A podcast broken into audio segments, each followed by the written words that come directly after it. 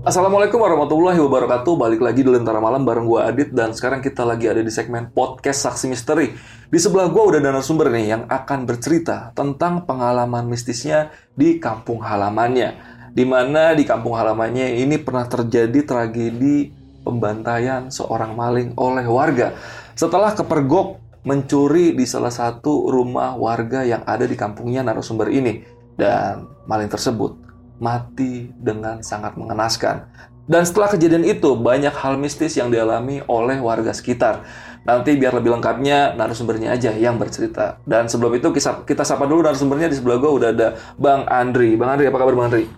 Sehat-sehat. Wah, ini kejadian tahun berapa nih, Bang? Tahun 98, Bang. 98? 98. Nah, ini kan berarti kejadiannya cukup gempar ya di kampung lu ya? Iya. Ini yang ngalamin hal mistis pasca kejadian itu siapa aja tuh, Bang?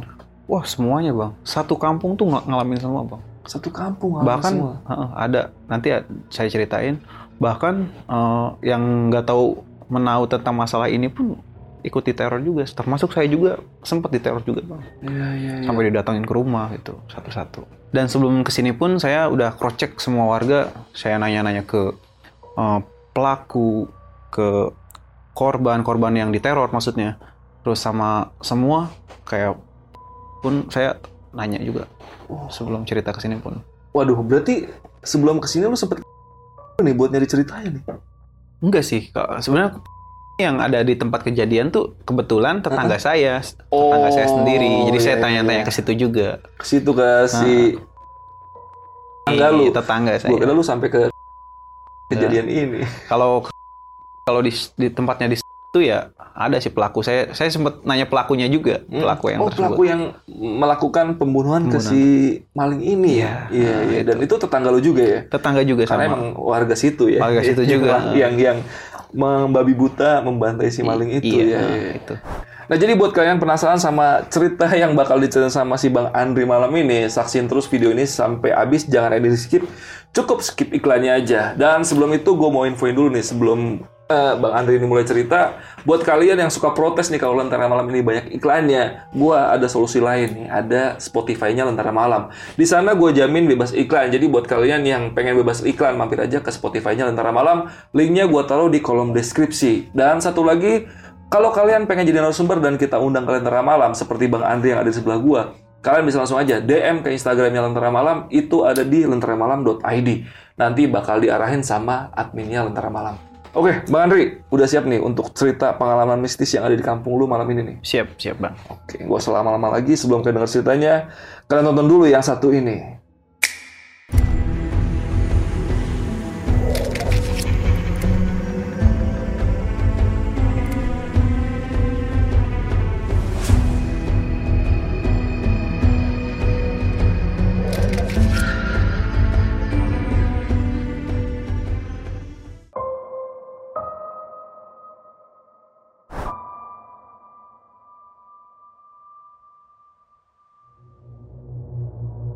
Jadi kejadian kejadian ini eh, dialami saya pada tahun 98, Bang.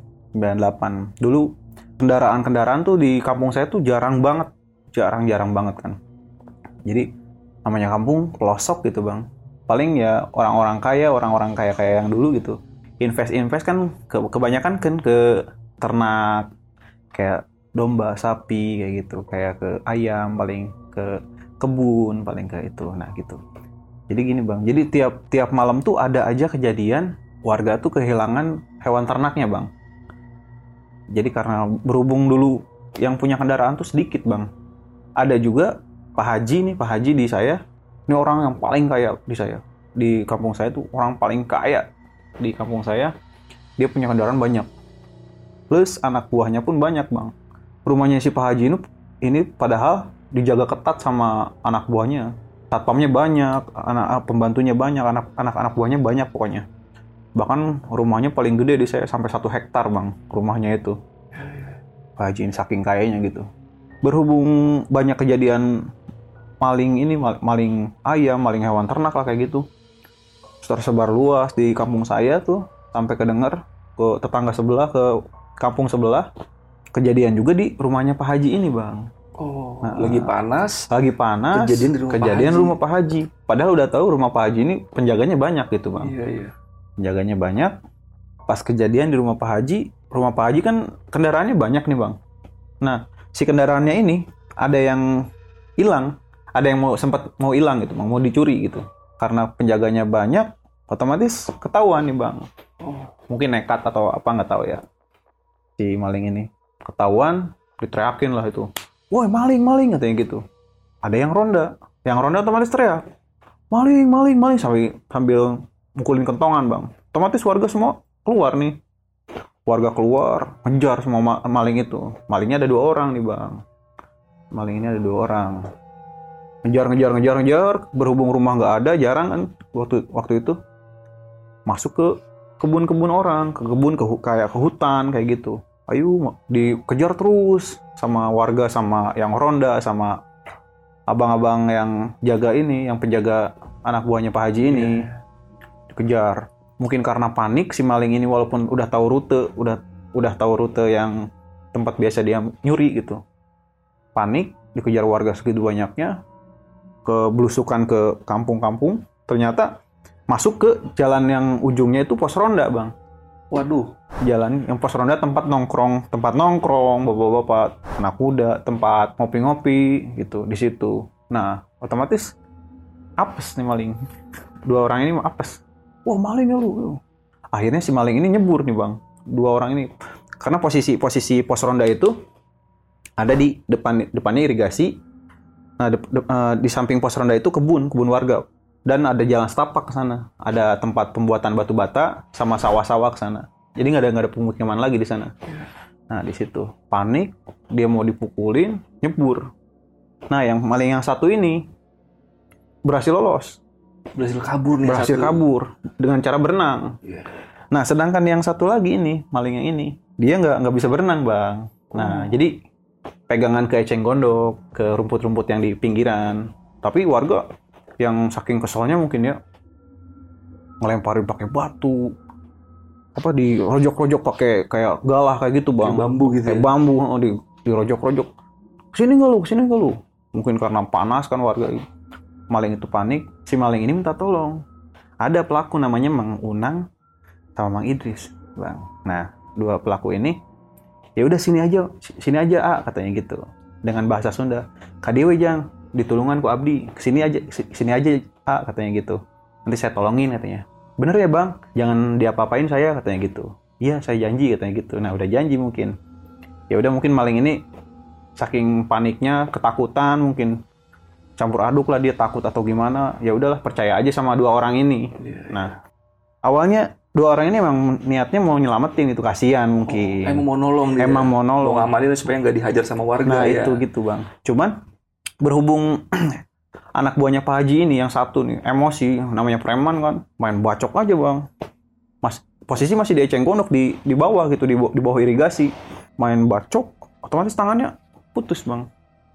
Masih di nyangkut di eceng gondok, tangan satu ditarik lah sama anak buahnya Pak Haji ini ditarik otomatis warga pun ikut pengen ikut nih pengen ikut mukulin semua nah si Mang Unang sama Mang Idris ini yang tadinya mau nolong nih bang. Iya.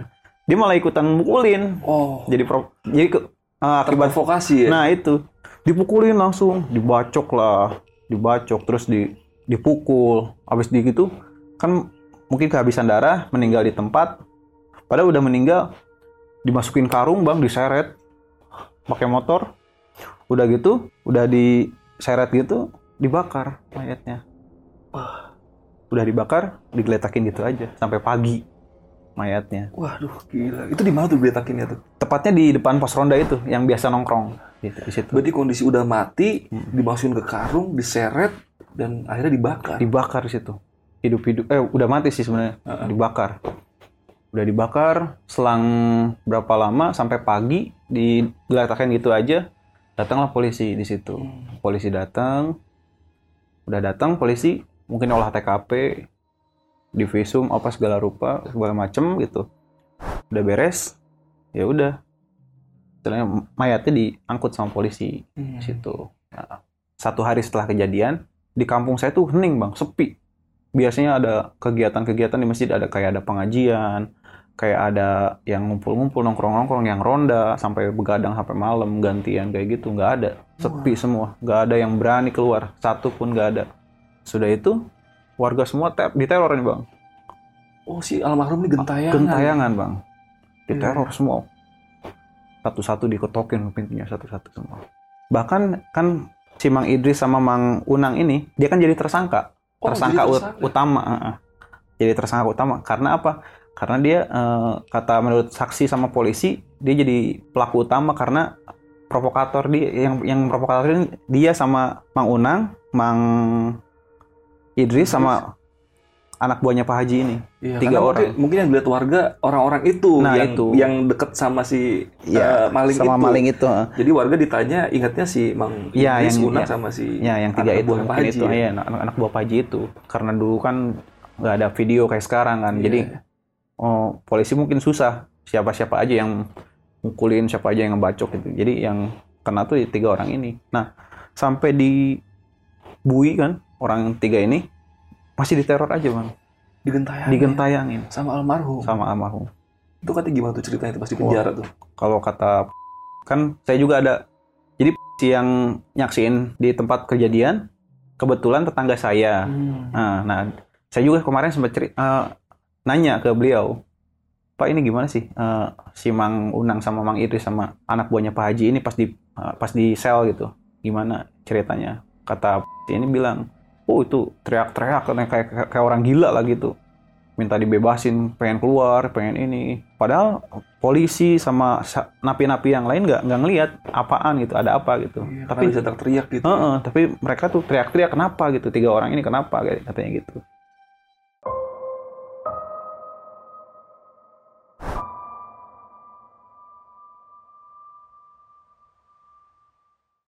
Kalau saya pribadi nih dari saya pribadi ngalamin di rumah bang, di rumah. Jadi dulu kan almarhum bapak saya kan kerja di salah satu perusahaan ya bang. Dia jadi teknisi, jadi tukang benerin mesin-mesin pabrik gitu bang. Jadi kadang kalau keluar kota tuh pulang dua hari, sehari, dua hari sekali, tiga, tiga hari, tiga hari sekali, kadang gitu bang. Jadi pas pulang tuh gak nentu kalau dia. Kadang jam 2, kadang jam 3. Karena ada kejadian itu jarang pulang bapak saya waktu itu. Udah udah gitu pas dari satu hari set- setelah kejadian pun sebenarnya di rumah saya pun ada yang ngetuk-ngetuk jendela tuh. Jadi Hmm. posisi rumah tuh eh, jalan raya, terus ini kamar mama saya di depan, kamar saya di belakang, ruang tamu, terus di sebelah kamar mama saya tuh kebun, kebun jagung sama kebun singkong di situ dulu. Tiap malam tuh ada yang ngetok-ngetok pintu, eh ngetok-ngetok jendela gitu bang, tok tok tok tok tok. Awalnya saya ngira ya bapak saya mungkin gitu, oh mah bapak pulang tuh, ya udah bukain pintu katanya gitu. Begitu buka pintu, oh nggak ada, dibuka jendela kok nggak ada. katanya. Kosong. kosong nggak ada siapa-siapa. Udah sehari dua hari tiga hari sampai tujuh hari. Mungkin lelah mungkin ya saya nggak nggak begitu ini mungkin si jin korinnya ini. Ya pas hari ketujuh tuh ketokan pintunya yang di jendela eh, ketokan jendelanya itu makin kencang bang. Tok tok tok tok tok tok tok tok gitu bang saya risih kan. Ini apa sih? Siapa sih ini gitu. Awalnya saya nggak nggak nggak ini nggak nggak nggak hirauin gitu bang. Ah biarin aja lah orang iseng mungkin. Terus saya na- nanya ke mama pun mah itu bapak pulang bukan? Kan kemarin baru pulang kata mama gitu bapak. Oh, baru pulang padahal. baru pulang kemarin. Nggak mungkin katanya gitu. Paling orang iseng kata mama gitu kan. Ya udahlah udah beres itu makin kenceng gitu. Mama nggak dengar posisi cuma saya doang yang dengar bang. Begitu saya risih kan saya buka gordengnya jendelanya saya lihat ternyata ada sosok beliau yang udah meninggal itu bang. Itu kondisinya kayak gimana tuh? Sama kayak warga apa enggak tuh? sama kayak warga sama percis. Saya ngeliat sama percis bang. Berlumuran darah ada ada bekas bacokan sayatan di mana-mana gitu. Luka bakar juga ada. Tangannya nggak ada sebelah emang. Sama ya. sama sama percis sama yang diceritain warga. Dia bilang gini jangan katanya A katanya. Tulungan abdi A eh, saya minta tolong katanya. Sempurnain saya katanya. Karena saya waktu itu posisi masih kecil waktu SD istilahnya nggak nggak nggak tahu menau gitu. Maksudnya, maksudnya apa, itu, Gitu, Heeh, iya. maksudnya apa gitu. Suara itu di telinga saya tuh kayak kenceng banget. Kayak kayak pakai sound gitu. Menggema di di telinga tuh. Saya nangis jadi-jadinya pas kejadian itu. Mama saya panik kan. Manggil kakek saya. Almarhum kakek tuh. Kebetulan kakek juga emang agak bisa juga dibaca-bacain doa sama kakek alhamdulillah. Tapi sampai subuh pun masih kedengar bang suara itu. Ada gitu di telinga tuh. Tapi sosoknya udah udah udah nggak ada udah hilang. Iya, iya. cuman suaranya doang gitu. Semenjak itu saya nggak berani lagi. Kalau tidur sendiri tengah malam gitu. Kadang kalau kalau saya kan kalau tengah malam kadang suka nonton TV Iya, ada ada ada acara TV kayak kungfu kayak gitu. Pas semenjak Setelah itu kejadian itu nggak berani nggak berani saya. ya. nggak berani begadang saya. Dari kejadian itu bukan saya aja yang ngalamin bang yang ngalamin tuh mama saya pun ngalamin Wah, nyokap Ah. ngalamin juga nih. ngalamin juga Jadi gimana tuh jadi? Jadi posisi rumah saya tuh kata L. Jadi si si kamar mandi namanya di kampung misah bang sama bangunan kamar mandi sama bangunan rumah tuh misah bang. Hmm. Suatu ketika pas bapak saya lagi kerja nggak ada, mama minta antar ke toilet karena saya orangnya penakut dulu. Mama mama pun lebih penakut lagi dari saya gitu. Pak antar mama yuk ke toilet katanya gitu. Ayo kataku gitu. Tapi nu- nunggu di sini ya di pintu di pintu rumah. Saya Nunggu di pintu rumah nggak Ah, nggak nggak ikut ke Enggak, toilet nggak ikut ke toilet. Mama ke toilet.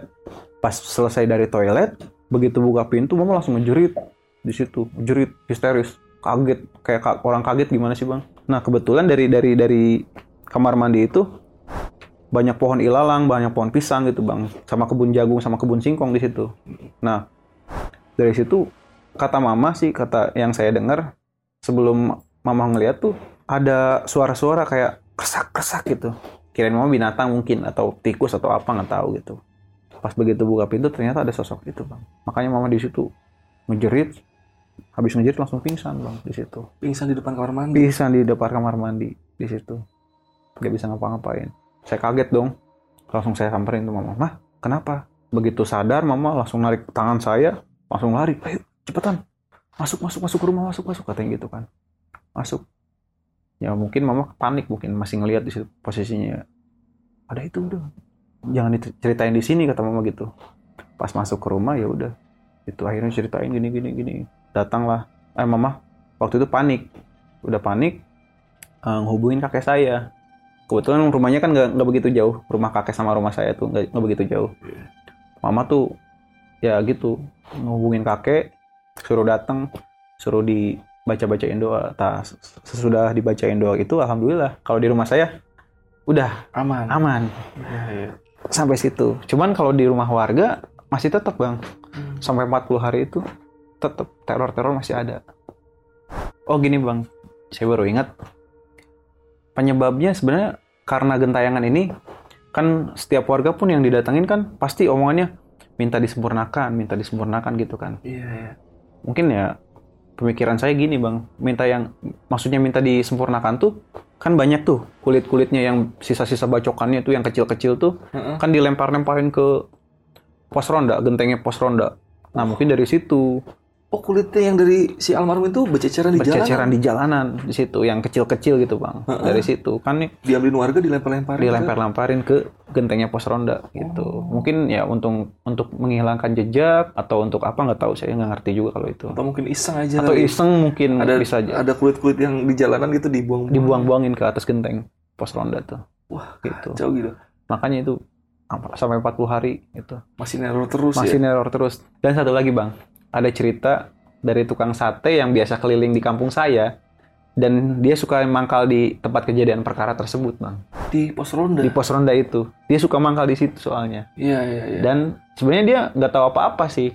Posisi dia lagi pulang kampung. Emang dia pakai keliling gitu bang. Pakai pakai tanggungan Pikulan ya, gitu ya? pikulan gitu.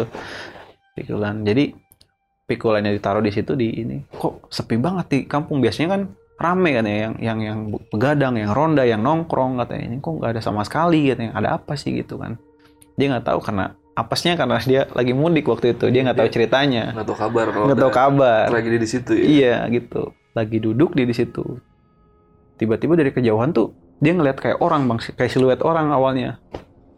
Nyamperin dia makin lama makin deket makin jelas bang. Orang orang biasa kata kata dia. Tukang sate ini bilang, nih oh ada orang tuh. Oh mungkin dari apa? Dari kalau di saya kan ada namanya Lio ya, buat tempat pembuatan bata bang, batu bata. Nah di situ. Apa dari kebun apa dari Lio katanya gitu kan kata tukang sate ini. Jalan. Tapi napak kata kata dia biasa kayak kayak orang biasa gitu. Cuman emang nyeker nggak nggak pakai sepatu nggak pakai alas kaki sama sekali gitu. Dari mana ya? Kok malam-malam? Kok dari situ? Kan gelap. Sedangkan di pos itu irigasi terus kebun kebun pandan sebelah sananya ada tempat pembuatan bat- batu bata sama sawah udah sama kebun kayak hutan kayak gitu bang. Nggak ada nggak ada rumah lagi sananya. Nggak kayak sekarang gitu. Nah di situ agak curiga sih sebenarnya tukang sate ini. Kok ada orang di situ? Cuman ah namanya jualan kan. Ya udahlah la- la- layanin aja gitu. Pesen si pemuda ini tuh. Bang pesan sate katanya gitu. Udah ngomong gitu doang. Oh iya tunggu dulu ya A, katanya gitu. Duduk dulu aja katanya gitu nah si tukang sate ini nggak kenal nih orang siapa. Bukan orang sini katanya gitu. Nggak kenal nih. Tapi ya udahlah namanya pembeli kali ya gitu. Ya nggak digubris sama dia. Tapi yang bikin dia curiga tuh mukanya tuh pucat bang. Tatapannya kosong mandangnya ke sono ke irigasi ke arah irigasi. Sedangkan mang, mang, mang apa mang sate ini di sini kan duduknya. Nggak selang begitu lama bang. Lagi kipas kipas sate dia kan. Kipas kipas sate kok ada bau amis kata dia ini dari mana? Sampai dibulak balik dagingnya masa masih ada da- darahnya sih? Gitu. Terus yang di apa keranjang juga dia cek satu-satu takutnya ada yang busuk atau gimana gitu bang. Udah bau amis tiba-tiba bau kebakar bau daging kebakar. Wah ini gosong kayaknya gitu. Kayaknya gosong nih katanya gitu. Eh, tapi nggak ada yang gosong kata dia orang baru naro gitu kan. Pas begitu dia ngecek gini ngomong si anak muda ini bang katanya, satenya jangan terlalu gosong ya. Kayak saya katanya gitu. Ngomong gitu bang. Bang Wahyu kaget dong. Bang, Bang Sate ini kaget. Hah? Katanya.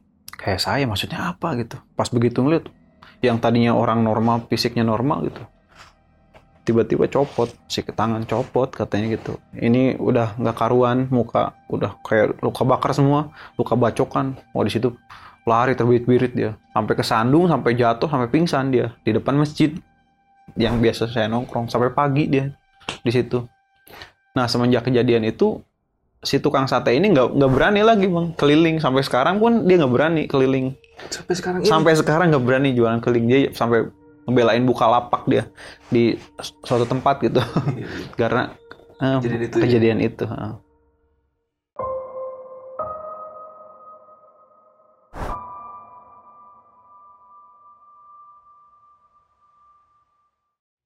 Ada kepala desa sama warga-warga eh, udah resah nih udah mulai resah dari sini. Ya kita istilahnya eh, ngadain rapat lah di, di desa ini. Kenapa sih eh, sampai segininya gitu nerornya sampai orang yang nggak salah apa-apa mang sate ini kan istilahnya nggak tahu apa-apa gitu sampai Iya. ditampakin kayak gitu gitu.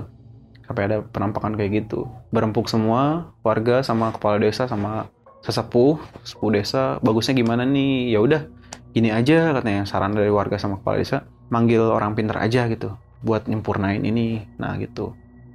Akhirnya keesokan harinya manggil lah orang pintar yang dianggap bisa lah di daerah itu ngelakuin ritual dan ternyata kata orang pintar ini kenapa si Fulan ini gentayangan katanya ada bagian tubuhnya yang masih belum disempurnain katanya gitu cari tolong cariin. Dicari lah sama warga. Cari sama warga. Mungkin yang yang lihat kejadian notice mungkin oh mungkin yang dilemparin ke pos ronda itu katanya gitu. Dicari lah genteng. Ternyata masih ada yang bener bang di situ. Di situ ya udah. Di ini disempurnain lagi. Ya dikubur mungkin dibawa ke kuburannya dikubur juga bareng sama jenazahnya. Nah sudah gitu ya udah alhamdulillah bang. Aman. Sesudah itu ya udah alhamdulillah aman. Cuman sampai sekarang pun kalau misalkan cerita cerita tentang kejadian ini gitu bang di tempat itu pasti ada bau. Entah itu bau amis bau itu pasti ada. Walaupun nggak nampakin tapi bau baunya masih ada. Setiap pagi ada warga yang cerita tentang kejadian itu. ah ah, pasti ada. Kayak bau kadang bau melati lah apa kayak gitu padahal nggak ada pohon melati situ dulu kan ada pos posnya sekarang udah nggak ada jadi udah jadi rumah sekarang udah nggak ada gitu Lu nyium nggak kok di situ? Enggak ya? Aman berarti di sini aman ya? aman Mungkin terlalu jauh jaraknya ya? iya, iya, iya. aman gitu bang Nah ini kan kejadian tahun 98 ya? 98 Ini yang pelakunya dua orang itu, ya satunya ketangkap nggak tuh akhirnya? Oh yang pelakunya. yang Yang kabur. Dengar-dengar sih ketangkep, cuman apa ya? Simpang siur sih bang ceritanya. Mm-mm. Ada yang bilang ketangkep, ada yang bilang kabur karena punya ilmu kayak gitu kan. Ada kan di Oh. daerah daerah-daerah. Saya kan banyak yang masih kental sama kayak gitunya. Oh. Ada yang ada ada yang bilang punya ilmu jadi nggak bisa ini. Taunya Mm-mm. gitu. Banyak yang gitu bilang gitu. Ada yang bilang ketangkep juga. Ya, saya juga kurang tahu sih kalau ke situ. Iya iya. Nah ini kan dua orang ini Nah, yang pelaku malingnya ya. Itu warga situ atau bukan sih? bukan, bukan, Bukan. bukan. Cuman dari kabupaten saya, cuman beda beda desa gitu. Beda jauh, desa. jauh, jauh. Jaraknya jauh. Ada dari Bekasi ke ke Cikarang lah gitu. Oh, lumayan Jaraknya jauh. lumayan jauh. Cuman Iya. satu kabupaten lah gitu Mm-mm. jaraknya. Cuman agak jauh. Eh, kabupaten saya paling pojok lah gitu. Iya Nah iya. itu daerah itu. Nah itu kan yang di penjara akhirnya si tiga orang itu ya. Tiga anak orang. buahnya Pak Haji sama dua warga desa yang Warga desa. tadinya mau nyelamatin. Cuman Tadinya, ha. mungkin karena terprovokasi juga sama si Nah. anak buahnya Pak Haji jadi Iya. ikut ngebacokin juga. Bacokin juga. Itu di penjara berapa lama tuh? Wah kalau di penjaranya gak lama sih. Pokoknya kurang dari setahun lah. Oh. Kurang dari setahun. Iya iya. Ah, ah. Mungkin karena itu bukan pembunuhan berencana ya. Jadi nggak terlalu lama. Spontan ya. aja gitu. Iya, iya. ah, ah. Nggak terlalu lama di Nggak terlalu penjaranya. lama. Tapi itu kurang sampai setahun tuh kurang di sampai setahun. Kalau kata warga sih gitu yang saya tahu. Dan setelah keluar dari penjara tuh sempat kayak agak-agak aneh atau gimana gitu kan dia sempat diteror juga tuh pas di penjara tuh sama sosok si Fulan ini gitu. Ada sih, ada, ada. Nih yang yang yang Mang Idris ini nih. Kan kemarin saya sempat ngobrol juga sama orangnya. Oh sama si Mang Idrisnya nih sama Mang Idris nih ya, sama pelakunya ini. Iya. Ngobrol, Mang, gimana kejadiannya gini gini gini. Iya, saya sempat kayak stres katanya, kayak orang stres. Jadi mau ke toilet ada katanya, mau mandi ada, mau makan ada tuh orang. Kayak jadi suaranya kecil, cuman kayak di telinga tuh kayak menggema. Tanggung jawab lu katanya gitu. Habis ngebunuh gua. Cari, pokoknya ha- harus sempurna gua meninggalnya kayak gitu, Bang. Iya, iya, iya. Wah, gila. Itu di rumah apa di penjara tuh Di kejadian? penjara di rumah juga sama, Bang. Oh sampai pulang di rumah pun udah keluar penjara tetap Tetap diteror. tanggung jawab lu katanya gitu. Doain gua katanya gitu. Gitu, Bang. Wah gila gila. Walaupun gila. udah disempurnain sama Mhm. si yang bisa ini, orang bisa ini gitu. Tetap masih. Iya, iya. Ini kan gue penasaran sama kekayaan si Pak Haji nih yang punya Oh, rumah gede iya, itu tuh. ha. Itu sekarang masih tinggal situ nggak sih Pak Hajinya? Sih? Udah almarhum sih kalau sekarang. udah almarhum. Heeh, rumahnya sekarang udah jadi kayak semacam kayak tempat nongkrong bang, jadi udah kayak kafe, cuman gede banget bang. Luasnya pun luas banget, satu hektar bang, Satu hektar. satu hektar. Jadi kebun eh apa rumahnya tuh rumah eh, kayak perumahan elit lah gitu bang, cuman gede banget, gede banget, cuman eh, kebunnya tuh luas di depan-depannya, di pinggirnya. Iya, iya, Anak iya. buahnya pun sampai puluhan lah. warga-warga situ semua tuh biasanya. Anak Kebanyakan buahnya. bukan sih bang, kebanyakan bukan, bukan warga situ. Oh, bahkan bukan warga situ. Mm-mm, warga luar. Iya, Dan iya. dia pun kata orang tua orang tua dulu bukan warga situ juga. Oh, si Pak Hajinya. Pak Hajinya ini bukan warga situ. Berarti ini benar-benar satu-satunya orang kaya yang ada di kampung Heeh, lu. dulu gitu. Yang rumah biasa-biasa aja dia rumahnya Iya. gede sendiri. gitu. Ah, ah, paling gede itu. Orang paling kaya di kampung saya waktu itu. Iya, Berarti berani juga tuh ya dua maling buat maling di rumah Makanya. Pak Haji itu Iya. kan udah udah kesebar luas sebenarnya warga-warga sekitar tahu kalau di rumah Pak Haji itu ada penjaganya Penjaganya banyak, gitu ya. banyak banget malah. Iya, dan akhirnya ya finalnya di situ di rumah Pak Haji itu ya. Ah, itu. Nah dari Pak Haji sendiri pernah nggak sih diteror sama si almarhum itu ada cerita nggak sih dari Pak Hajinya? Kalau Pak Hajinya belum sih, belum. Soalnya kan nggak tahu, nggak tahu menau kalau dia. Yang Iya, yang iya. yang yang ini kan yang eksekusinya kan anak buahnya.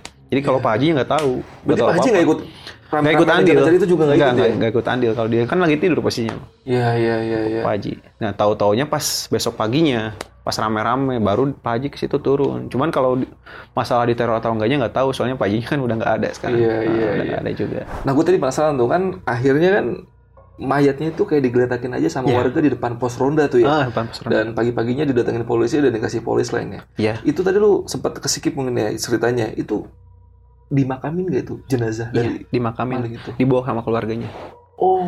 Jadi ketahuan kan, namanya polisi kan bisa kan, ketahuan sama Oh ketahuan tuh orang ini asli mana dan keluarganya yang mana? Ah, ah, ketahuan, Oh, udah iya, iya. ketahuan. Soalnya rata-rata kalau di daerah saya tuh yang yang suka ngambil kayak gitu, yang kayak maling, kayak begal, pasti daerah situ kebanyakan. Oh ada daerah Bronx tersendiri Nah ya? itu iya, ada, iya. ada ada daerah barbar lah gitu, Iya, iya, iya. istilahnya gitu. Itu gimana tuh? Jadi sama keluarganya dibawa. Dibawa, ya nangis keluarganya, Iya, iya. nangis nangis ya. Pokoknya nuntut lah istilahnya. Cuman kan karena yang pelaku ini orang berada kan, Mm, mm, mm, mm. mungkin yang dua ini juga sama-sama orang punya juga, mungkin Hmm. ya entah gimana, saya nggak ngerti. Oh Ya, iya gitu. iya. Mungkin ada bantuan dari Pak Haji juga ya biar anak buahnya bisa ah keluar itu, gitu ya. iya mungkin. Oh, akhirnya Situ. ya itu dikuburin secara layak tapi sama Iya. keluarganya. alhamdulillah kalau itu iya Iya, cuman iya. yang yang sisa-sisa potongan tubuhnya itu yang yang kecil-kecil itu ya belakangan Oh. Tapi kalau kabar tangannya itu yang ketinggalan itu gimana tuh? udah itu udah udah udah gitu itu itu pun apa pas pagi awalnya nggak ini polisi nggak nggak nge. Nggak nge. Ini tangannya ke mana? Katanya kok nggak ada katanya gitu. Iya, iya. untungnya ada ibu-ibu yang ngelihat saksi. Oh pas malam bukannya di, itu ya ketinggalan di eceng gondok. Untung eceng gondoknya nggak anyut gitu bang. Iya, masih kalau ada di situ. Ah, masih ada di situ di pinggir pinggiran irigasi itu. Coba kalau anyut kan berabe lagi Iya, iya, iya. makin lama lagi terornya gitu Iya, iya, iya, iya. Berarti akhirnya tuh tangan diambil tuh di Diambil, juga. Cuman yang juga. bikin dia teror itu kan bagian-bagian tubuh kecil-kecilnya Ah, ah, banyak yang kecilnya hilang ya. yang hilang itu yang di atas pos itu pos Bisa juga itu. dilempar ke atas pos ya. Ah, ah, ya, makanya itu entah buat apa gitu entah buat ngilangin jejak atau apa nggak Iya, ngerti saya Mungkin iseng aja kali ya. Bisa jadi iseng juga nggak Lemparnya nggak ke ngerti juga atas sih genteng pos ronda. pos ronda Iya, iya. di situ kan sedangkan di situ tempat nongkrong gitu bang Tem- tempat Hmm. nongkrong anak muda ya bapak-bapak yang ronda Iya, iya, iya. nggak tahu saya pun nggak ngerti.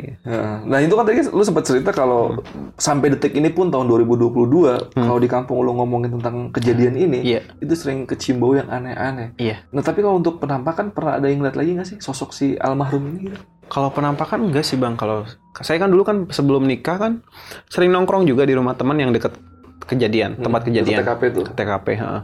nah dulu pas liburan sekolah ceritanya kan saya kan kalau ngumpul di rumah temen tuh banyak tuh ya. Mm-mm. pasti banyak nih. Rame kan tiap tiap malam itu rame pada ngumpul di situ semua. Nah pas liburan ke Bandung saya nginep. Nginep di Bandung tujuh hari bang. Iya. seminggu di Bandung. Ya di rumah di rumah teman saya ini rumahnya si Dagul lah si Dagul ya saya sebut Dagul aja rumahnya Dagul ini sepi ada mamahnya sama adiknya aja dua yang masih kecil bang nah di situ walaupun udah lama gitu kan itu kejadian udah 98 ya ini kejadian yang ini 24 2000 tahun. Oh, 2008 pas pas saya liburan ini 2008 bang. Oh 2008. 2008. 10 tahun setelah kejadian berarti ya? Nah 10 tahun se- setelah kejadian pada udah lama kan. Sepi rumahnya si Dagul ini. Biasanya rame kan. Nah kan kita sering nonton TV nih bang. Sering nonton film-film kungfu kayak gitu apa gitu. Nah kata mamanya si Dagul ini rumahnya tuh kayak rame gitu. Padahal udah ditinggal. Ditinggal orang gitu nggak ada orang kan pa- pada liburan kan. Nah di di rumahnya ini TV nyala sendiri bang. Truk kenceng lagi. Nyetelnya kenceng banget. Ini siapa yang nyetel TV katanya gitu. Sangka sangka mamanya Dagul mungkin adenya mungkin. Iya, iya. Oh adenya Dagul kali gitu. Tapi pas dilihat, "Tah, adenya Dagul di sini tidur sama saya gitu kan kata mamanya Dagul. Ditengoklah sama mamanya. Gak ada siapa-siapa bang. Di situ nggak ada siapa-siapa. Begitu dimatiin TV-nya, tidur lagi kan mamanya Dagul. Pas udah tidur, nyala lagi TV-nya di situ. Oh. Kok nyala lagi? Nyala lagi? Apa konslet apa gimana? Dimatiin sama mamanya Dagul. Dicabut lah Colokannya. colokannya cabut. Udah dicabut, tetap nyala bang. Si TV kan mustahil. Iya, iya. Gimana itu bisa nyala gitu? Iya, Sedangkan iya, iya. ya nggak masuk logika lah gitu bang. Iya, iya, iya. Itu. Waduh, waduh. Padahal udah lama itu. Udah 10 tahun Udah setelah 10 kejadian. tahun, nah, 10 Tapi rumah itu dekat sama kejadian TKP-nya. Deket, ada sekitar 5 meter, 4 meter lah, 4 meteran lah. Tapi Dari Jakob Dagul nggak ngeliat ada sosok si almarhum tuh di situ tuh. Siapa? Mamanya ada gue? Iya. Enggak. Nggak ngeliat ada sosok. Enggak, enggak ada, enggak ada sosok. Cuman kejadian itu doang yang paling horor sih, kata mamanya Dagul. Gue pikir pas lagi mau ngecek TV, Hmm. lagi ada almarhum lagi duduk nonton TV. Enggak. Gila tuh gila tuh. Mantep banget itu. Bang, ada kejadian lagi nggak sih dari tetangga-tetangga yang cukup epic yang lu ingat sampai sekarang gitu? kalau tetang ada ada ada. Nah, kalau zaman dulu kan handphone jarang ya, Bang. Iya, iya, iya. Handphone jarang. Di saya di, di- dekat rumah saya itu ada wartel, Bang. Hmm. Wartel. Nah, sebelum disempurnain ini apa eh, si Almarhum. almarhum ini eh, si Fulan ini sebelum disempurnain kan ada wartel di situ. Ada yang mau nelpon gitu, istilahnya mau nelpon. Terus eh, dekat wartel ini ada ada ada apa? Kayak satu kebun, kebun kebun padi kebun- sama kebun jagung di situ. Pendatang mungkin orang mana nggak tahu ya. Kata yang jaga wartel kan kalau wartel kan kadang sampai jam 9, sampai jam 10. Walaupun udah sepi kan namanya usaha mungkin. Dia tetap jaga. Kan pinggir jalan, Bang. Ada orang yang lewat situ, mau nelpon katanya gitu. Pas mau nelpon kaget "Ih, ada orang katanya. Kok apa compang-camping badannya udah nggak karuan katanya. Terus tangannya nggak ada sebelah katanya gitu. Kaget. Sambil teriak katanya. Bang itu ada ada orang. Tangannya nggak ada sebelah katanya. Cupang camping. Balik lagi. Nggak jadi nelpon. Itu yang jaga wartel. Tadinya jaga suka jaga terus gitu bang. Tiap itu jadi tutup tiap tiap malam Itu jadi- sosoknya ada di dalam wartelnya. di samping wartel Di jadi samping di, wartel. di di pintu Heeh, jadi yang tadinya mau nelpon Mau masuk itu mau mau, masuk nggak jadi Karena ngeliat sosok itu jadi nggak jadi. nggak jadi nah itu sih yang yang saya ingat itu aja sih Iya, iya, iya. Jadi gila-gila. Bang, ini pertanyaan terakhir nih apa yang gue tanyain. Hmm. Ini adalah satu momen yang gue rasa di cerita lu ini paling epic ya. Iya. Yaitu adalah di bagian tukang sate ditampakin sama si almarhum nih. oh Itu tadi pas lu cerita kan cukup detail nih ceritanya. Lu bisa dapat cerita sedetail itu dari mana tuh bang? karena saya dapat cerita langsung dari tukang satenya juga sih bang Karena karena dari tukang sate langsung tuh. Ah, ah, ah. karena kan tukang satenya pun masih tetangga kampung sih bang. Cuman Oh. karena ah, karena tukang satenya ini lagi pas kejadian lagi mudik, Iya, jadi iya. dia nggak tahu Ah, ah, kalau ada ah. kejadian itu. Berarti lu sampai detik ini pun masih berhubungan sama si tukang sate, Tukang sate itu? iya, sempat Karena emang kenal ya? emang kenal, emang langganan juga di situ. Iya, iya. Dan iya. saya juga kemarin emang sengaja cross check nih korbannya, eh, apa eh, pelakunya, terus kor- korban yang diteror ini siapa aja. Saya tanya semua warga kampung, pokoknya saya, oh, saya tanya. cerita ke sini udah sempet nanya-nanya dulu Nanya-nanya dulu ke warga kemarin kampung, ke warga ya. kampung saya heeh, Iya, nanya-nanya lu gimana dapat cerita dari si yang tadi di penjara tuh salah satunya. ya itu, Nah, ah, terus dari yang polisi yang tetangga polisi, lu. tukang sate, Tukang ya itu. sate. Iya, iya, iya, iya. Itu Wah, juga. Oke, oke. Oke, Bang. Jadi untuk cerita almarhum maling ini cukup segitu aja ya. Iya. Dan informasi terakhir itu sampai detik ini tahun 2022, setiap warga sekitar situ membicarakan atau cerita-cerita tentang tragedi ini, itu sering kecium bau gosong dan Gosong, amis dari si almarhum itu ya. Iya. Sama kejadian seperti tahun 1998 dulu ya. Iya dulu. Gila sih. Lu nyium nggak kok? Enggak. Aman berarti ya? Aman berarti sini Bang ya? Aman, aman. Untung aja aman. Nah, jadi eh, buat kalian mungkin tadi selama si Bang Andri cerita itu ada yang kurang paham atau ada yang skip atau gue tadi sempet eh belum sempet nanyain apa yang pengen kalian tanyakan itu kalian bisa langsung aja nih DM ke Instagram si eh, Bang Andri itu di mana Bang? Andriana underscore NH20. Oke, nanti linknya gue taruh di deskripsi. Dan satu lagi nih, si Bang Andri ini punya channel juga nih. Channel apa nih Bang? Channel YouTube sih sebenarnya. YouTube. Ah. Itu apa namanya itu? Iseng aja sih. Itu namanya AA Suara. AA S W A R A. Oh. AA Suara Itu sih apa? channel. Isinya ya tentang musik sih. Oh tentang musik. Iya iya. iya. Pas perform itu paling kayak gitu-gitu aja. Oh berarti beda nih sama horor nih ya? Beda. Oh, biasanya nih eh, penonton Lentera Malam suka protes nih kalau yang cerita dari YouTube channel horor suka komplain nih. Komplain ya? Berarti ini aman ya? Ini Aman, aman, aman. YouTube musik ya? Musik-musik. Oke, jadi yang suka musik mampir-mampir aja ke YouTube channelnya si Bang Andri ini. Iya. Oke Bang, sekali lagi thank you banget nih udah jauh-jauh mampir ke Lentera Malam untuk share cerita pengalaman bisnis di kampung lu nih Bang. Iya, siap. Oke, oke. Jadi sebelum kalian close videonya, gue mau infoin dulu nih. Buat kalian yang pengen jadi narasumber seperti Bang Andre yang ada di sebelah gue ini. Kalian bisa langsung aja DM ke Instagramnya Lentera Malam. Itu ada di lenteramalam.id. Nanti bakal diarahin sama adminnya Lentera Malam gimana caranya jadi narasumber di Lentera Malam. Oke Bang Andre, Siap, sekali lagi gue ngucapin terima kasih ya. Oke, Bang. Udah jauh-jauh ke sini ya. Ya, saya juga makasih, Bang. Sama-sama. Oke. Yaudah, paling video malam ini cukup segitu aja. Gue Adit dari Lentera Malam dan Bang Andre izin pamit.